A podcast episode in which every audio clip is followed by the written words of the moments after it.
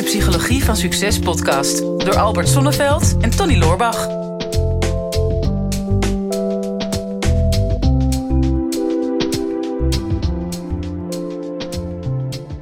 Ik moet nog vaak denken aan uh, ja, hoe, deze, hoe dit podcastverhaal is ontstaan, Tony. En dat is, uh, ja, dat is toch alweer meer dan een jaar geleden. Mhm.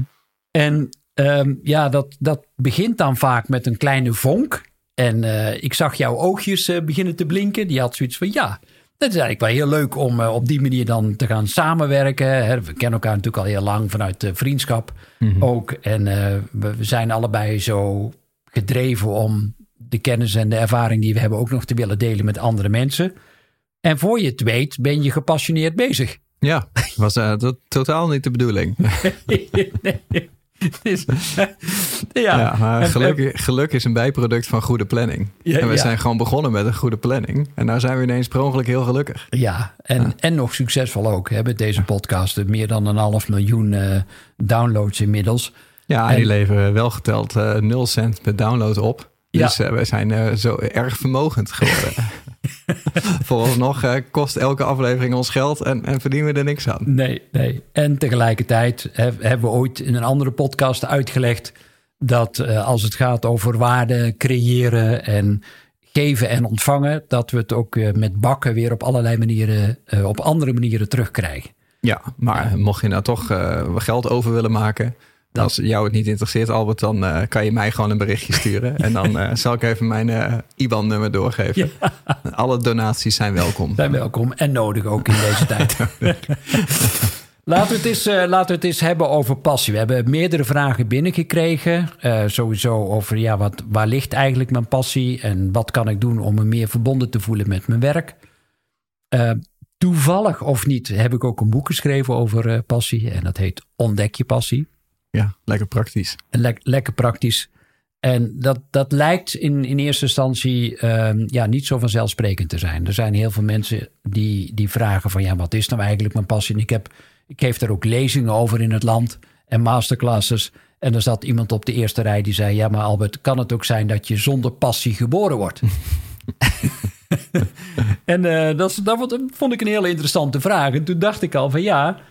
Um, mijn antwoord was uh, nee. Uh, je wordt altijd met een passie ge geboren. Want hoe, hoe, kun je hem anders weten dat je hem niet hebt? Hetzelfde als uh, eenzaamheid. Je kunt alleen maar eenzaamheid ervaren op het moment dat je verbonden bent. Ja, het kan wel zijn dat je zonder passie verwekt bent. Dat is iets anders. ja, en daar heb je dan weer je hele leven voor nodig om daar weer mee te dealen. Ja.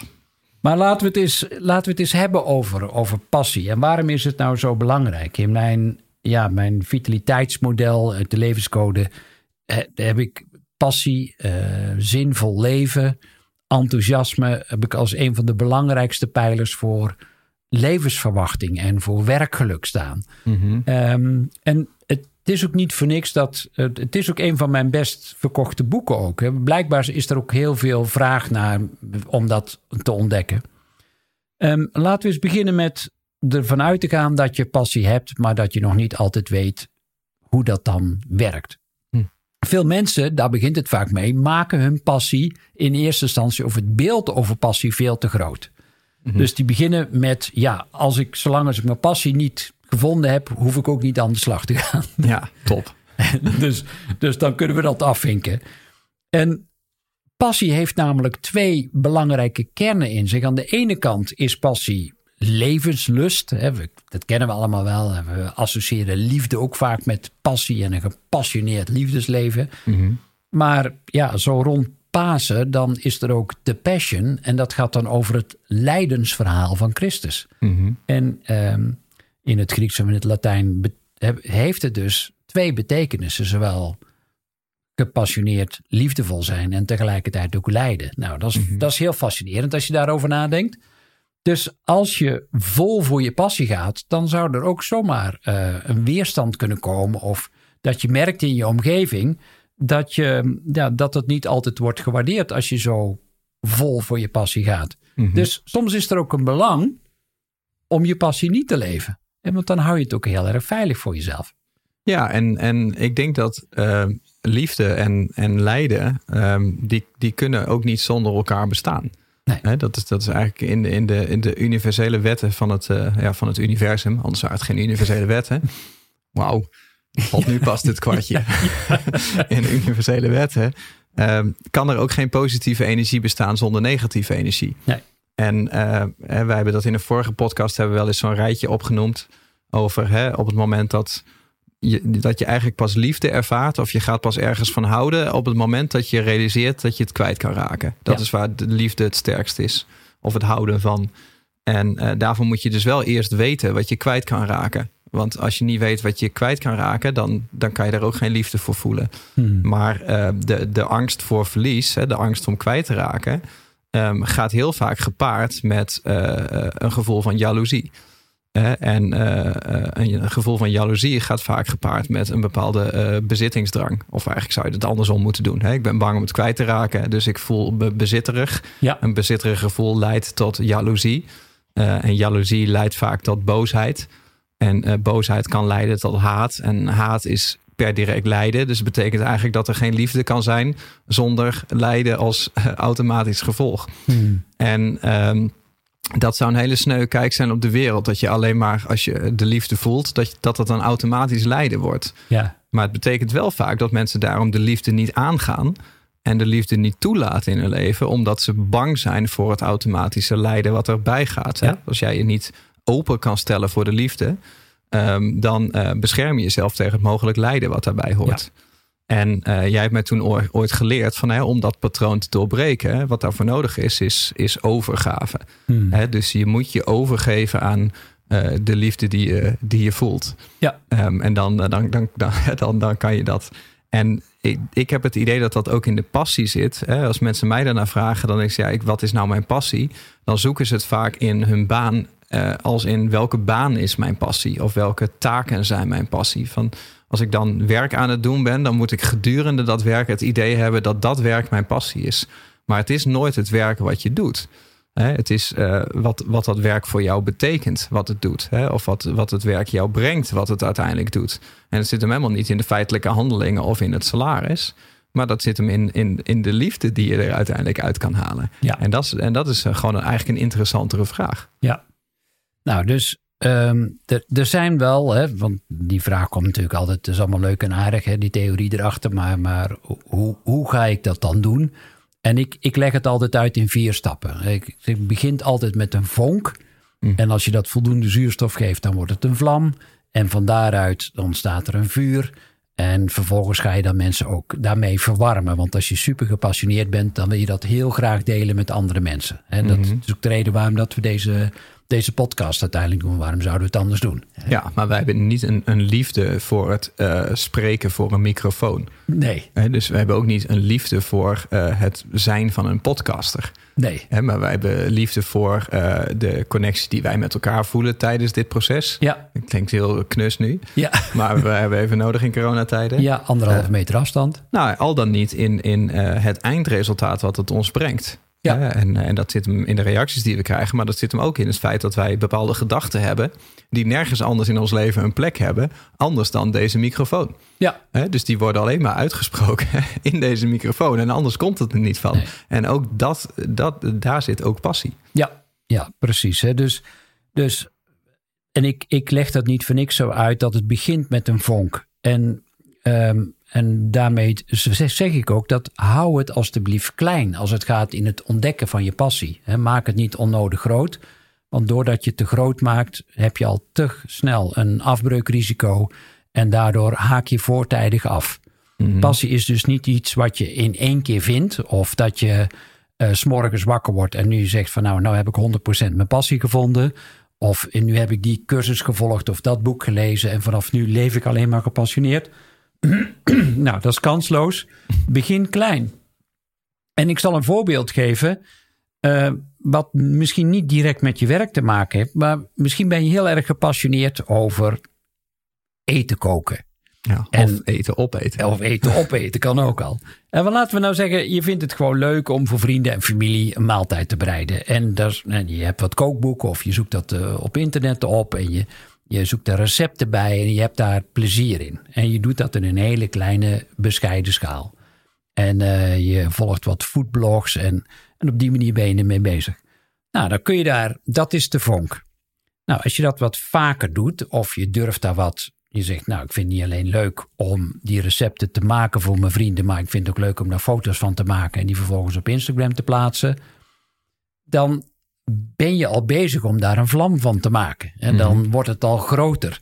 En misschien ga je daar zelfs eh, video's over opnemen en plaats je die op YouTube. En nou, vervolgens van, vanuit dat vlam kan dat zomaar een vuur worden. Dat mensen zeggen van wow, dat is gaaf. Daar wil ik bij in de buurt zijn. Of ik merk dat het vuur is meestal aantrekkelijk. Mensen willen daar dan mee in de buurt zijn. Mhm. Misschien kun je daar zelfs geld voor vragen. Of dan vind je een vorm dat je denkt, nou, het blijft maar groeien. Net als deze podcast. Eh, die is ook begonnen als een, als een vonk. En vervolgens werd het een vlam. Mhm. Nu merken we al dat mensen zich eraan aan het verwarmen zijn. Mm. En nu hebben we zoiets van, ja, maar misschien moeten we, daar nou nog wel, moeten we dat nog wel verder gaan uitbouwen. Want ja, zonder dat we dat in het begin bedacht hadden, is dit groter geworden dan dat in eerste instantie misschien het idee was. Ja.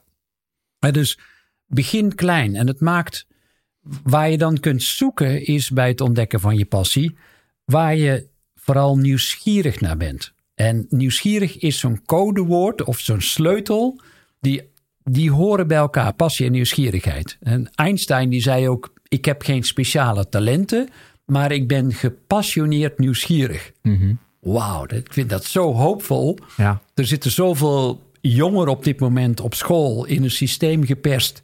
Waarin iedere vorm van nieuwsgierigheid eruit is geramd. ja, precies. Ja, nu zitten ze ook nog eens niet eens op school. Nee, dus ehm, als je weer. Dus je hoeft niet per se bepaalde talenten te hebben, maar als je weer die nieuwsgierigheid kunt prikkelen. En die is er. Het is geen toeval dat je juist bepaalde tv-series kijkt of juist bepaalde boeken. Je hebt nu net een hele boekenrally achter de rug. Ja, en van de duizenden boeken waar je keuze uit hebt, heb je toch 30 boeken, 30 zijn het er, geselecteerd. Mhm. Die voor jouw gevoel de, jouw nieuwsgierigheid het best bevredigen. Ja. En dan merk je tijdens het lezen dat bepaalde eh, boeken of onderwerpen je nieuwsgierigheid nog verder prikkelen. En misschien zelfs wel dat je daar enthousiast over bent. Nou, Ja, Of, En dan denk je, oh, maar wauw, daar wil ik iets mee doen. Of daar wil ik een product van maken. Of dit wil ik gaan delen. Nou, dan weet je gewoon, dan zit je al op het spoor van passie. En ja, dan is het aan jou of je dat zuurstof blijft geven en vertaalt naar gedrag. Want dat is het volgende. Je, je gaat je passie niet ontdekken door er alleen maar over na te denken of door erover te lezen. Mhm. En, en alleen maar nieuwsgierig te zijn. Het volgende is ook, nieuwsgierigheid is ook een drijfveer. Dat trekt als het ware aan jou dat je denkt, oh maar wa- wat is er achter die heuvels of wat is er achter die schutting? Ik, ik wil weten wat daar gebeurt. En dan, voor je het weet, ben je in beweging. Ja. Nou, in die beweging ga je weerstand ontmoeten. Eh, want als je gaat leren, want dat ga je altijd doen als je je passie volgt. Want dan ga je je comfortzone oprekken. En als je die comfortzone oprekt, dan krijg je weerstand. En of het nou weerstand uit je omgeving is, waar ben je mee bezig en dat gaat nooit lukken. En wat moet je nou met een kookworkshop, bij wijze van spreken. Of jij kan nooit zo'n kookstudio betalen. Of eh, wat heb je nou aan een bed and breakfast in Frankrijk? En dat heb je al ik vertrek gezien. Dan ga je gegarandeerd mislukken en iedereen lacht je uit. Nou, dat soort weerstand ga je krijgen. En dan is de belangrijkste vraag: oké, ben ik nu trouw, trouw aan mezelf en blijf ik ook trouw aan mezelf? Mhm. Ja, En- dus hou je weerstand. Ja, hou je weerstand. Hou je weerstand of kom je in beweging? Ja, ik- briljant weer, hè? Ja. Eh, dus, dus geloof je in jezelf, daar gaat het dan over. En eh, geloof je in je nieuwsgierigheid, die misschien, hè, als kind had je die ook. Dat deed jou groeien en hield jou in beweging. Nou, en dat, en vervolgens moet je ook competitief kunnen zijn en ook risico durven lopen. Want anders kun je die passie geen voeding blijven geven. En dan, ja, dan, dan gaat die dood uiteindelijk. Ja, maar soms is het gewoon te spannend om dat na te jagen. Hè? Kijk, als jij ehm, in, een, in een bepaalde baan zit wat, niet, wat overduidelijk niet jouw passie is. ehm, die baan die heeft jou wel een aantal zekerheden gegeven. Ja. Eh, qua inkomen. Eh, misschien eh, heb je een gezin te onderhouden en voel je alleen al de druk van dat gezin. Dat als jij daarmee zou stoppen, dat je hen daarmee benadeelt. Ja. Al dan niet dat je dat moet uitleggen, dat jij ermee bent gestopt. Ehm, en en eh, de vastigheid van hoe jij je leven runt, hè, je bioritme en hoe jij het leven altijd hebt gekend zolang je die baan had, dat is bekend. En, en herkenning leidt tot vertrouwen. En vertrouwen leidt tot ontspanning. Dus zolang jij in een bekende modus bent, dan ben je over het algemeen meer ontspannen. Ja. En uh, het onbekende staat eh, over het algemeen synoniem voor uh, stress en spanning. Ja. spanning komt alweer heel dicht in de buurt bij passie. Hè? Spanning en sensatie. Ja. Leuke dingen. Dus op het moment dat jij het idee hebt van nou, ik ben wel ergens nieuwsgierig naar. maar op het moment dat ik het zou najagen, dan loop ik het risico dat ik daardoor nog verder afbreuk ga doen aan, wat, aan mijn ontevredenheid van dit moment. En ik durf aan mezelf eigenlijk nog niet de zekerheid te geven dat ik, dat ik ook daadwerkelijk ga switchen. Ja. En ja, dan kan je die nieuwsgierigheid beter een beetje wegmoffelen. Uh, en het niet najagen, want dan, dan, blijft het, dan blijft het gewoon heel veilig. Ja. En het is ook een, jij begon daar ook mee, hè? het is heel veilig om te zeggen van ik heb mijn passie niet gevonden. Dus ik hoef, dus ik hoef ook niks. Ik, ik zit in overlevingsmodus. Ja. En uh, misschien komt het uh, volgende week dinsdag ineens op mijn pad. Hmm. Dat ik ineens mijn passie leef. En tot die tijd, tot die tijd niet. Ja, en dat is ook het mooie van de, van de Engelse taal. Hè? Het woord excitement en anxiety. En dat, dat lijkt heel sterk op elkaar. En het lijkt ook weer elkaars tegenpolen te zijn. Maar het is dezelfde energie. Hij is alleen anders gelabeld. En je zult merken dat het niet zozeer gaat over de energie waar je bang voor bent, maar de verschijnselen die het geeft. Mhm. Want ja, je kunt en gepassioneerd zijn en ondertussen kan het, kun je zweetplekken onder je armen hebben en en vlekken in je nek. En dat je gewoon het, het super spannend vindt om te doen. En dan raak je in de war en denk je, ja, maar passie zou toch alleen maar leuk moeten zijn. Nee, het enige wat je kunt zeggen van passie is dat er, dat er veel energie vrijkomt. En dat dat zich manifesteert in jouw lijf. Ehm, en het is ook de energie die je in jezelf mobiliseert om te creëren. En om het veilig te houden voor je amygdala, hè, dat, dat kleine angstcentrum in je brein dat vlak bij je limbisch systeem zit, wat, wat alleen maar zorgt voor overleven, ja, dat, dat zit dat vaak in de weg. Ehm, en daarom zeg ik ook, begin met die vonk, uh, wat het ook maar is. Je hebt, je hebt allerlei vonken misschien. En dat je zegt, ja, maar ik heb wel vijf. Ik vind wel, ik, dat zeggen mensen ook vaak als het gaat over het ontdekken van een passie. Ja, ik vind alles leuk. Ja, ja top. nou ja, en daarmee, dat is weer zo'n smoes om niet te beginnen. Mhm. Uh, nou, het is leuk dat je alles leuk vindt. Maar als je dat gaat trechteren, dan komen er misschien drie of vier dingen uit... die je als een soort rode draad door je leven heen ziet bewegen. Nou, begin dan met één van de vier. Ik noem dat dan een proefballon. Laat Mhm. die proefballon dan op. Hou het klein. Nou, als die proefballon uiteindelijk helemaal niks blijkt te zijn... Nou, oké, kun je die afvinken. Begin je aan de tweede proefballon. Mhm. Je hebt een heel leven. Dus je hoeft niet per se nu je passie te vinden. Trouwens, er is alleen maar nu. Mhm. Je kunt alleen wel nu beginnen met het oplaten van een proefballon. Ook al weet je van tevoren absoluut niet welke kant dat het op gaat. Mhm. Er is maar één ding belangrijk. Ben je er enthousiast over? En dat kun je ook aan je vrienden of aan je familie vragen. Goh, als ik, als ik vertel over dit onderwerp, zie je mijn oogjes dan stralen? Ja. Krijg ik dan een glimlach van oor tot oor? Nou, dan weet je al, dan zit je op het goede spoor. Dan heb je al een vonk te pakken. Mhm. Als je iets vertelt over, ja, ik denk dat ik eh, voor mezelf ga beginnen. Ik weet nog niet of het gaat lukken. Hm. Nou, kansloos. ja, ga je waarschijnlijk niet doen. Nee, dat ga je hoogstwaarschijnlijk niet doen. Dus pak die pareltjes eruit die je als een rode draad in je leven voorbij ziet komen. Wat je nieuwsgierigheid prikkelt. Wat spannend is, maar nog steeds veilig genoeg om eraan te beginnen. Mhm. En met die proefballon ga je aan de slag. En dan zie je wel, je hoeft, je hebt bepaalde mogelijkheden en bepaalde middelen. En waarschijnlijk niet ideaal in jouw ogen. Hoef je niet mee bezig te zijn. Als je maar gaat starten, begin nu, vandaag. Geen uitstel meer. Je begint en ondertussen laat het leven wel in de vorm van synchroniciteit zien. Wat de bedoeling is. Dan kom je wel de juiste mensen tegen of de juiste middelen. Of word je in één keer benaderd. En dan van daaruit is het ook weer nu. Mhm. Weet je wel weer wat de volgende stap is. Als het maar vooral datgene is wat je enthousiasme en je nieuwsgierigheid prikkelt. Want Ja. anders dan ben je kansloos. Nou, lijkt mij een eh, prachtig eh, slotbetoog. Ik zou er nog aan toe willen voegen. eh, Nietzsche, Nietzsche zei ooit: alleen de liefde kan de mens verlossen. Ja, En dat vind ik, wel, vind ik in, dit, in dit verhaal wel mooi, denk ik. En passie komt natuurlijk heel dicht in de buurt van die liefde. Um, en, en, en, en wellicht ook het lijden, maar laten we het positief houden. Laten wij het gewoon passie als liefde zien. Ja. He, maar denk ja, alleen de liefde kan de mens verlossen. Denk ja, als je dat weet en je zoekt die verlossing, ja, dan hoef je alleen maar nu te gaan bewegen in de richting waar je op dit moment de meeste liefde voelt. Dit is de Psychologie van Succes podcast door Albert Sonneveld en Tony Loorbach. Ja, beste luisteraars, dat was hem alweer voor vandaag. Weer een aflevering voorbij van uh, de Psychologie van Succes. Ik hoop dat je het waardevol hebt gevonden en um, wat je ons dat ook zou willen laten weten. Uh, mocht je nog niet geabonneerd zijn op onze podcast, doe dat dan even. En wat we heel erg tof zouden vinden, is als je ook even een review zou willen achterlaten. We vinden het natuurlijk heel leuk om te horen van jou wat je van de podcast vond, welke inzichten je eruit hebt gehaald en om dat natuurlijk in de review-sectie terug te gaan lezen. Heb je nou een vraag en je zou graag met jouw vraag in de uitzending willen komen? Stel hem dan op eh, de social media. Onze kanalen zijn vooral LinkedIn en natuurlijk Instagram. De beste vragen pakken we eruit en grote kans dat je dan terugkomt in deze podcast.